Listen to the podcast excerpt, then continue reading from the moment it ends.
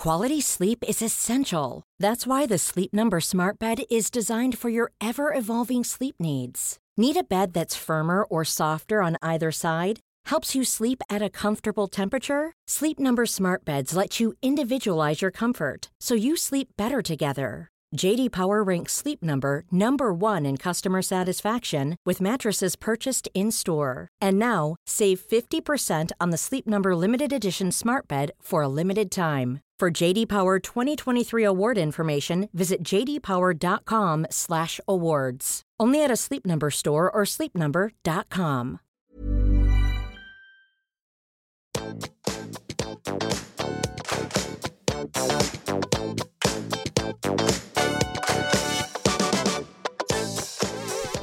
Hei, alle sammen, velkommen tilbake til podkasten Karriereveiledning med Elaine. I ukens episode så skal vi rett og slett knuse noen myter om bl.a. jobbsøkerprosessen. Dette her er noe av det jeg får sånn aller mest spørsmål om. At jeg får spørsmål om veldig mye rart og mye fantastisk innenfor karriereutdanning. Men nå skal vi rett og slett knuse noen av mytene som dreier seg om jobbsøk.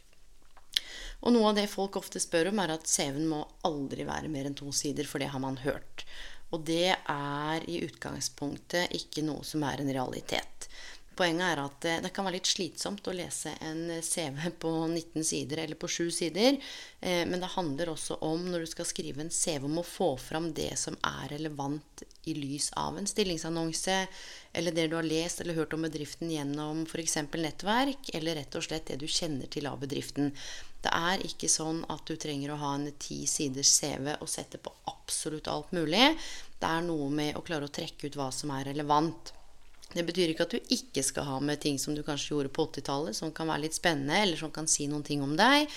Kanskje du studerte og hadde en jobb, eller at du var med i en forening, at du f.eks. var med på forskjellige ting. Men det er for all del lov til å ha en, en CV som er over to sider. Litt av poenget med hvorfor denne liksom tosidersregelen er der, det er jo fordi at ofte så sier man at det tar veldig kort tid å lese en CV. Og det vet vi heller ikke. Dette er jo selvfølgelig forsket på, så det er jo noen, noen som mener det, og det er helt greit. Men jeg har rekruttert masse, og jeg har av og til brukt fem minutter på å lese en CV. Noen ganger brukt 30 sekunder. Litt avhengig av både tid og sted og rom. Men det som er sentralt, er at dette er et dokument du skal eie, så du skal være fornøyd.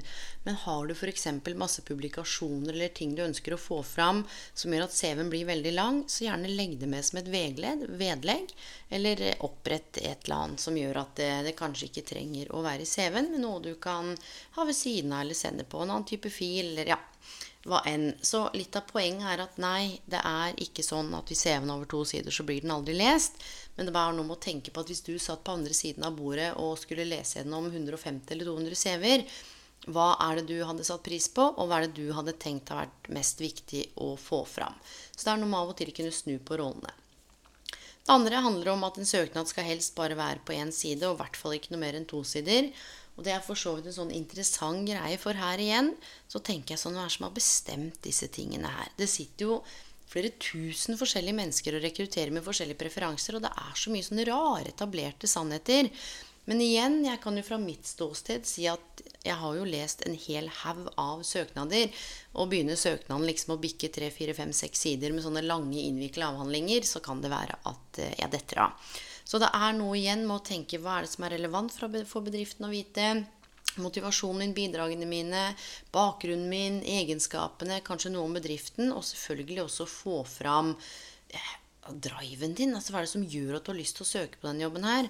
Det er fullt mulig av én eller to sider, men jeg, gjerne tre, og hvis det er det. Men hele poenget er at dette skal jo på en måte være et viktig og spennende dokument som mennesket igjen på andre enden av bordet et eller annet sted skal lese og få, virkelig få lyst til å kalle deg inn på intervju.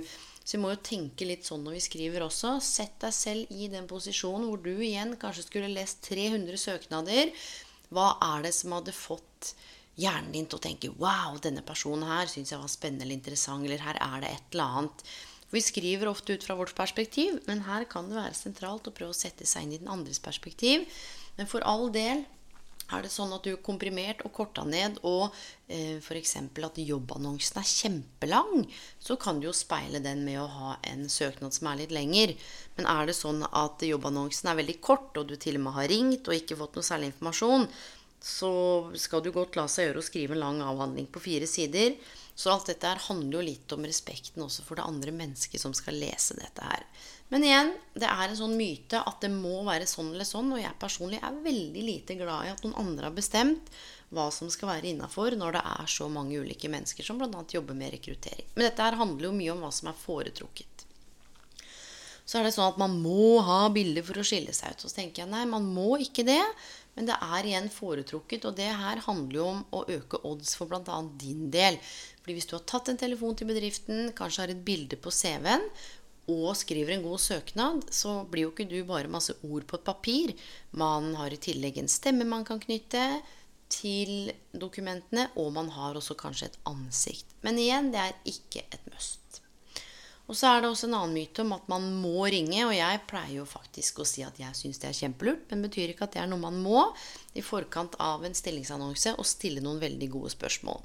Men det er en sånn myte at man må ringe bare for å ringe, og det tenker jeg er bare complete BS.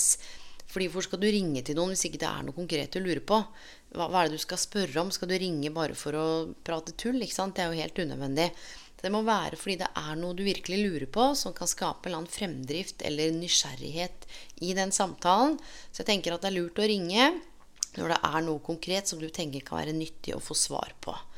Um, det å ringe og spørre om ting som allerede står i annonsen, det tenker jeg ikke er sånn kjempenødvendig. Så man må ikke alltid ringe. Gjør det du er komfortabel med, men virkelig kjenne etter om det er noe du også lurer på. Og så er det en annen myte, og det er at for å kunne søke på en stilling, så må du huke på alt det de etterspør. Og dette har jeg sagt før, at det ser ut som det er av og til Superman eller Superwoman som er wanted i disse stillingsjobbannonsene. Eh, du trenger ikke huka på alle områder. Det er ikke sikkert du har den riktige utdanningen. Kanskje du har en tverrfaglig utdanning fra en annen sektor som har overføringsverdi inn i bedriften. Det kan være at du har noen andre egenskaper som du kan flette inn, som du ser kan være nyttig.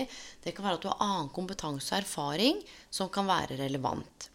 Men så må man jo se dette her litt i lys av at eh, ønsker du å bli lege, så er det kanskje greit å ha tatt legeutdanninga. Der går det på en måte ikke an å lure seg inn med en eh, mekanikerutdanning eller å på en måte ha praktisert medisin for moro skyld på si. Sant? Det er jo noen tydelige krav i en del stillinger, så det må man jo forholde seg til. Men det er også ekstremt mange stillinger der ute hvor folk er ganske åpne for ny, frisk pust, en ny måte å se ting på. Så ikke la være. Altså Ikke la det stoppe deg hvis du bare kan huke av på fem av ti punkter f.eks. Gi det en sjanse. Igjen kanskje plukke opp telefonen og spare litt i forhold til din bakgrunn og kompetanse, hvordan det kan være relevant. En annen myte er jo ofte at man må fortsette det man har valgt. ikke sant? Nå har du valgt den bacheloren eller den masteren eller den jobben, og der må du bli. Må du holde ut, ikke sant? Må du stå i det.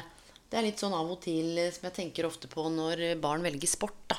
Og så har de lyst til å bytte. Eh, og så sier man jeg må stå i det. Og så vil de bytte, og så stå i det. Det er en sånn evig eh, interessant liten kamp. Eh, skal du på fotball, og nei, nå skal du på basket, og så skal du på svømming. Og så har man liksom sånn Du må holde ut i det du driver med. Og jeg tenker sånn det blir jeg helt svett av. Ja, det er greit å være i det og prøve det. Og så kjenne at denne utdanningen, denne jobben, altså denne retningen, det er ikke noe for meg. Men da er det også viktig å kartlegge hva det som gjør at det ikke er noe for meg. Er det kollegaene? Er det fagene? Er det miljøet? Er det ja, Hva er det det kan være da som gjør at jeg føler at dette ikke er riktig? Det er så modig å tørre å si, vet du hva, dette var ikke noe for meg. Jeg tror jeg skal finne noe annet. Så jeg bare sier det. Går du med en tanke om å finne på noe annet, snakk med en karriereveileder. Det er gratis karriereveiledning på alle de fylkesvise karrieresentrene hvis du er over 19 år. Det er noe som heter karriereveiledning.no, hvor du får gratis karriereveiledning. Luft tankene dine med noen. Ikke vær et eller annet sted hvor du hver dag går og forteller deg sjøl at du må holde ut. Men jeg anbefaler heller ikke bare å si opp helt ut av, av det blå uten å kanskje ha en plan A eller plan B i tilfelle du har familie eller huslån eller ting som gjør at du har behov for en inntekt.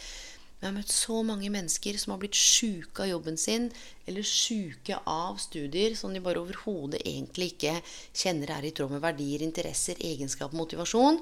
Gjør deg selv en tjeneste og ha selvrespekt nok til å rett og slett vurdere om dette er noe for deg. Og trenger kanskje ikke snakke med venner og familie, for de vil jo kanskje mene, ikke bestandig, men kanskje mene noe om at ja, men dette er veien for deg. Men husk at det er et sitat som sier dette er Ben Falk.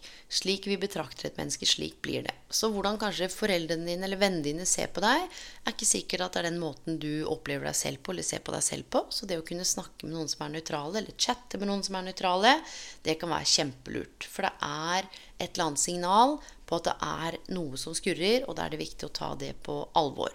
Men det kan også være at du blir, hvis du kartlegger at det var bare to fag du ikke likte av ti, og at det var en eller annen i klassen din som egentlig ikke syntes det var noe ålreit, men så har du klart å komme over det. Altså, vi må bare klare å kartlegge hva som er hva, før vi kanskje eh, tar det valget om å skulle gjøre en endring. Men dette her igjen er ingen fasit, det er bare noen refleksjoner om disse mytene.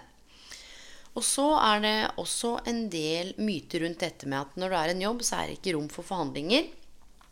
Og tro meg, det er det. Det er rom for å forhandle om både rolle, stilling, lønn, oppgaver og ansvarsområder. Men det er klart hvis vi går og kjenner på at det ikke er rom for det, så skaper vi i hvert fall ikke det rommet. Det er sånn at Vi kan ikke vente bestandig på at noen skal komme og gi oss noe, eller spørre oss om noe, eller ønsker vi mer ansvar, eller ønsker vi det, eller kunne vi tenke oss det? Her er det noe med å kjenne på hva er det som er riktig og viktig for den organisasjonen du er i, hvis det er der du har lyst til å være og lage deg noen tankekart eller agenda og rett og slett invitere deg selv. Ta det i forbindelse med utviklingssamtale eller lønnssamtale eller uansett når det skulle passe. Håper jeg at du har en ok leder hvor det er rom for å løfte fram noen av disse tingene. Og det kan godt være at akkurat det du beskriver, er noe som bedriften trenger. Kanskje du digger sosiale medier og kjenner at bedriften jobber helt ubrukelig på disse digitale plattformene. At det kan være et ekstra ansvarsområde for deg. Men da vil jeg bare si at tar du på deg masse ansvar, så kan det være viktig å avlaste noen av de tidligere områdene du har hatt, sånn at ikke du blir overarbeida. Ekstremt viktig å sette grenser. Men vi må skape det forhandlingsrommet vi ønsker, og da må vi på en måte ta det steget. Andre myter er bl.a. at du har eh, sendt ut masse CV-er og søknader, og du hører ingenting. Og da trekker vi ofte fram dette likhetstegnet som sier oss at vi er ikke gode nok. Vi har ikke nok kompetanse. Vi er ikke riktig for det vi søker. Og i noen tilfeller så kan det kanskje være en sannhet, men de fleste ganger så handler det om at du ikke hører noe. Og nå skal jeg si noe som jeg sikkert får kritikk for, og det kan jeg stå i. Jæskla mange bedrifter som er dritsløve her setter man i gang rekrutteringsprosesser. Og nå snakker jeg ikke om under korona eller hvis det er andre omstendigheter som gjør at ikke de har fått muligheten til å svare, ting har stoppet opp, som er noe som absolutt kan skje.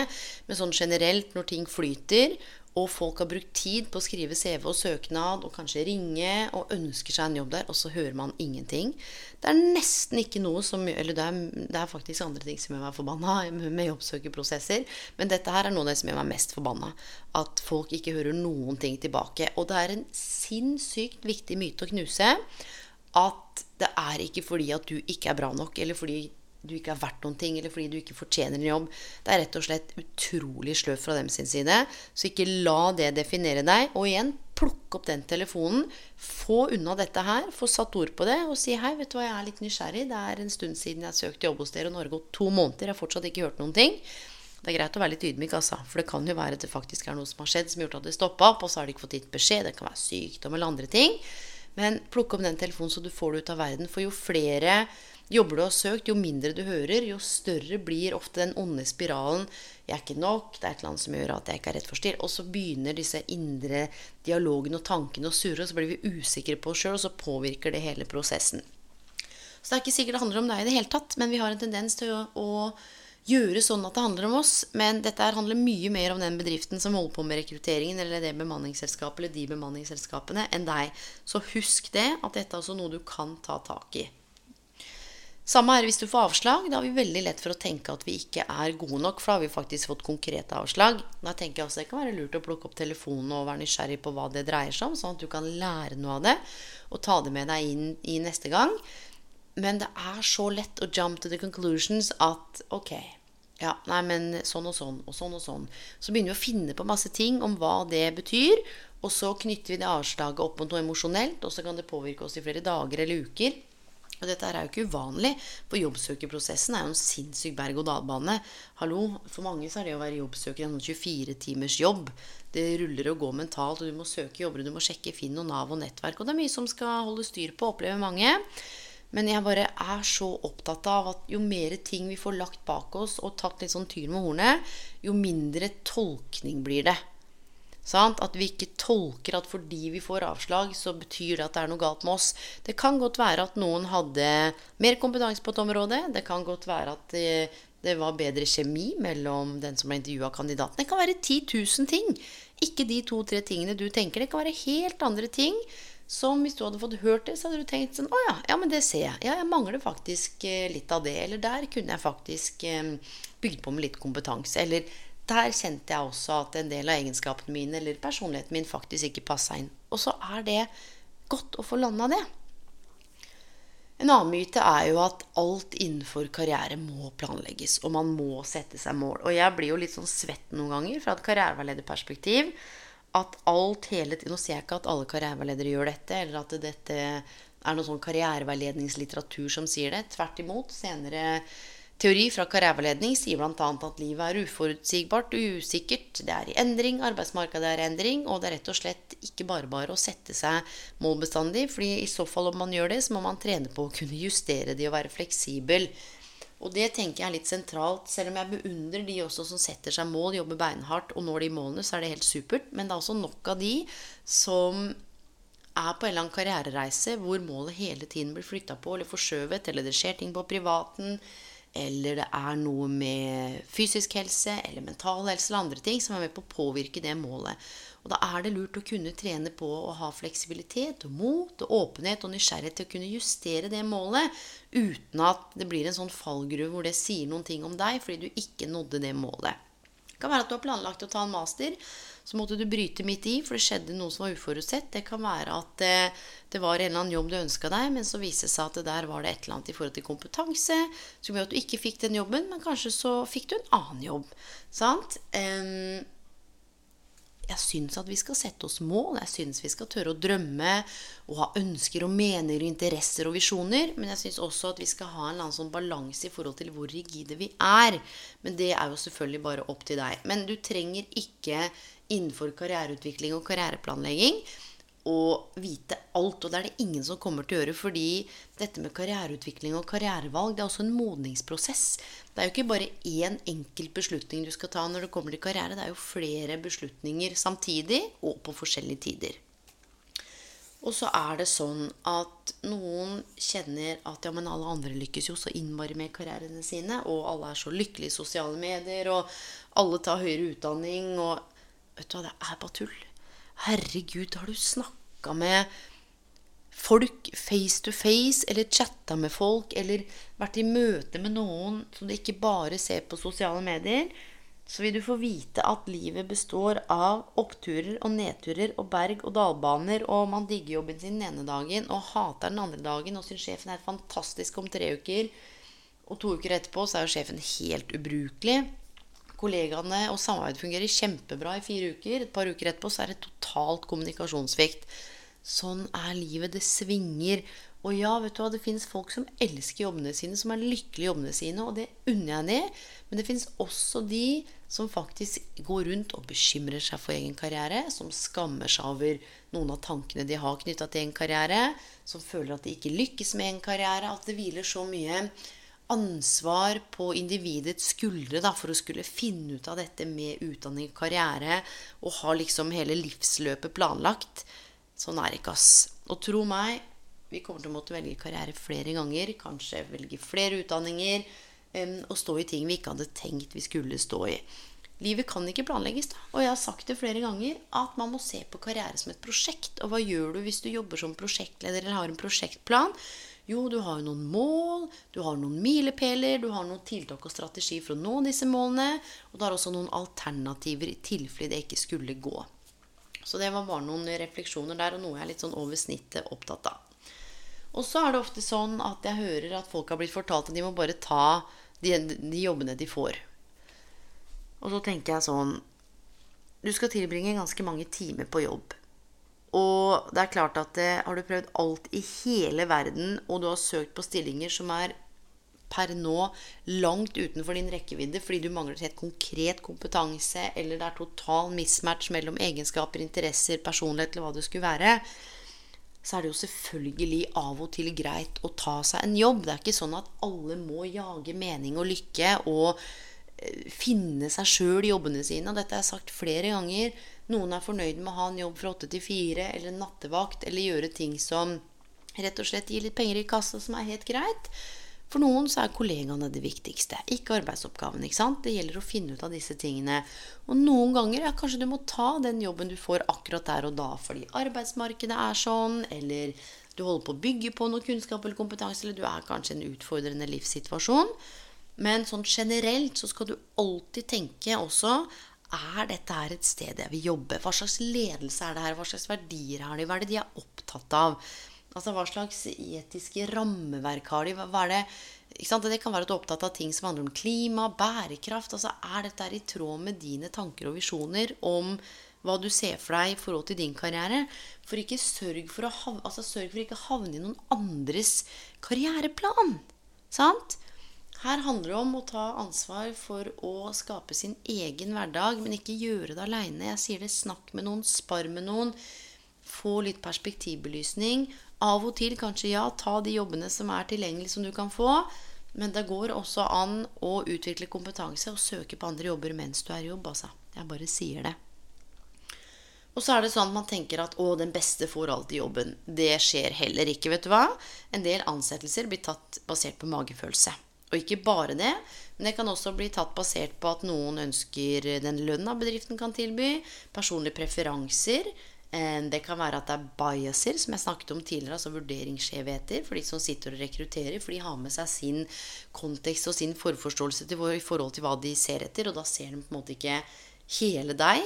Det kan være igjen at det klikker bedre sånn kjemimessig mellom den ene kandidaten og den som rekrutterer. Det er mange ting. Og det er ikke alltid sånn at den beste får jobben, eller den som nødvendigvis har den riktige kompetansen, men det er faktisk ofte sånn av og til, og nå sier jeg ikke at det alltid er sånn, men klarer du å få fram engasjementet ditt, motivasjonen din, bidraget din og driven din for jobben, og at du er villig til å kanskje lære deg noen nye ferdigheter eller ta noen kurs i noe bedriften opplever er viktig for at du skal kunne utføre rollen, så kan det være ganske stor sjanse for at du får den jobben. Og en annen myte er jo at det er rett og slett sånn at ikke det ser bra ut på CV-en å ha hatt mange jobber.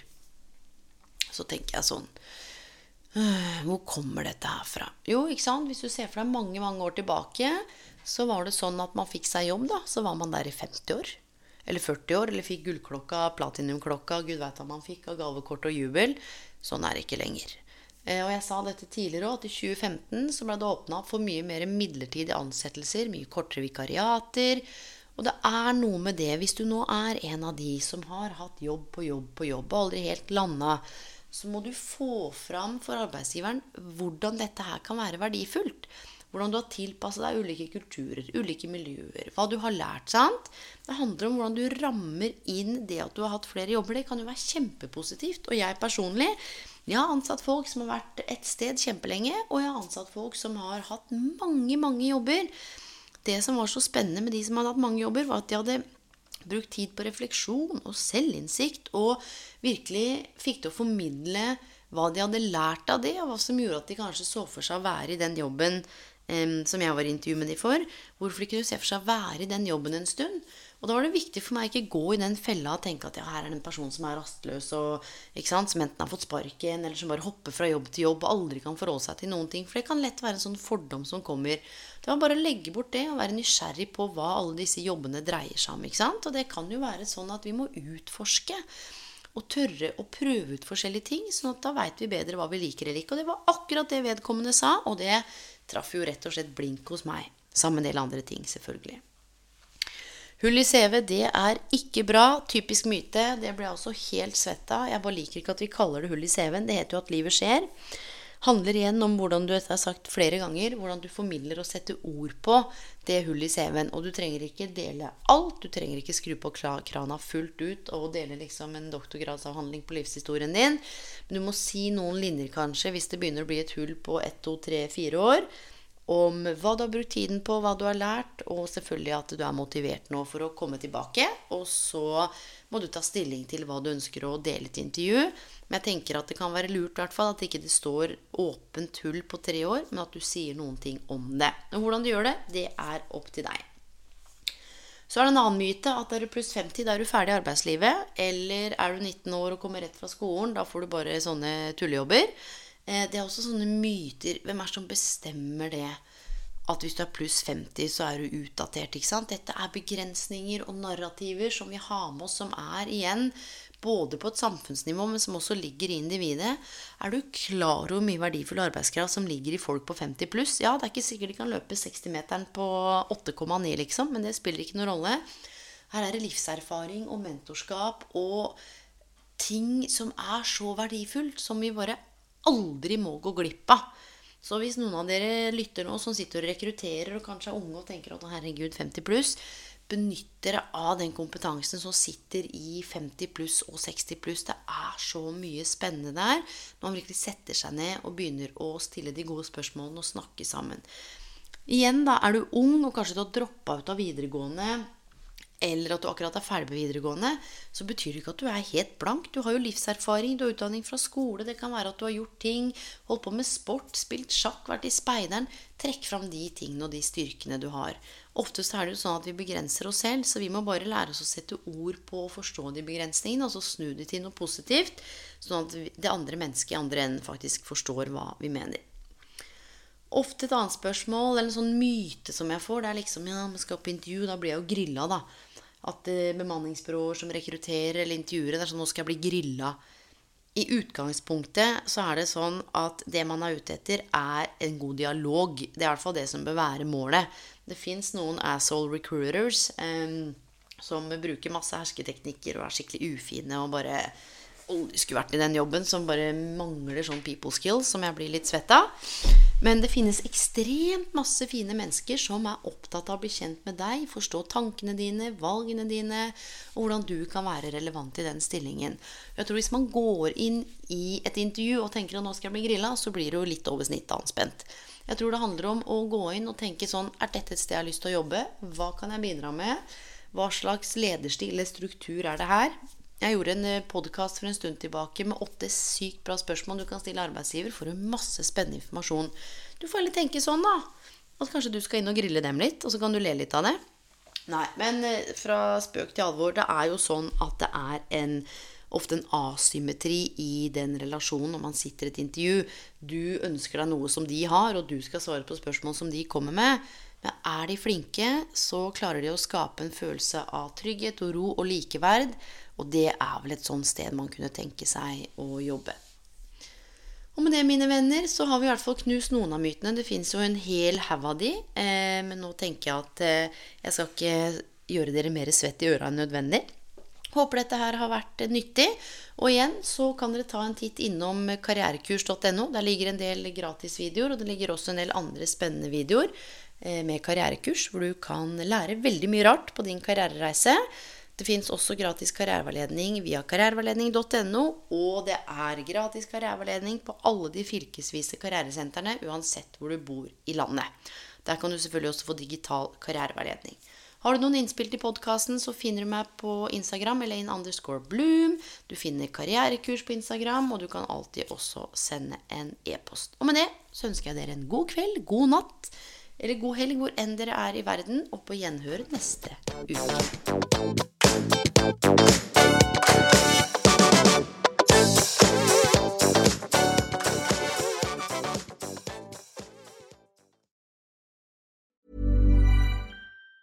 Planning for your next trip? Elevate your travel style with Quince. Quince has all the jet setting essentials you'll want for your next getaway, like European linen, premium luggage options, buttery soft Italian leather bags, and so much more. And it's all priced at 50 to 80% less than similar brands. Plus, Quince only works with factories that use safe and ethical manufacturing practices. Pack your bags with high-quality essentials you'll be wearing for vacations to come with Quince. Go to quince.com slash trip for free shipping and 365-day returns.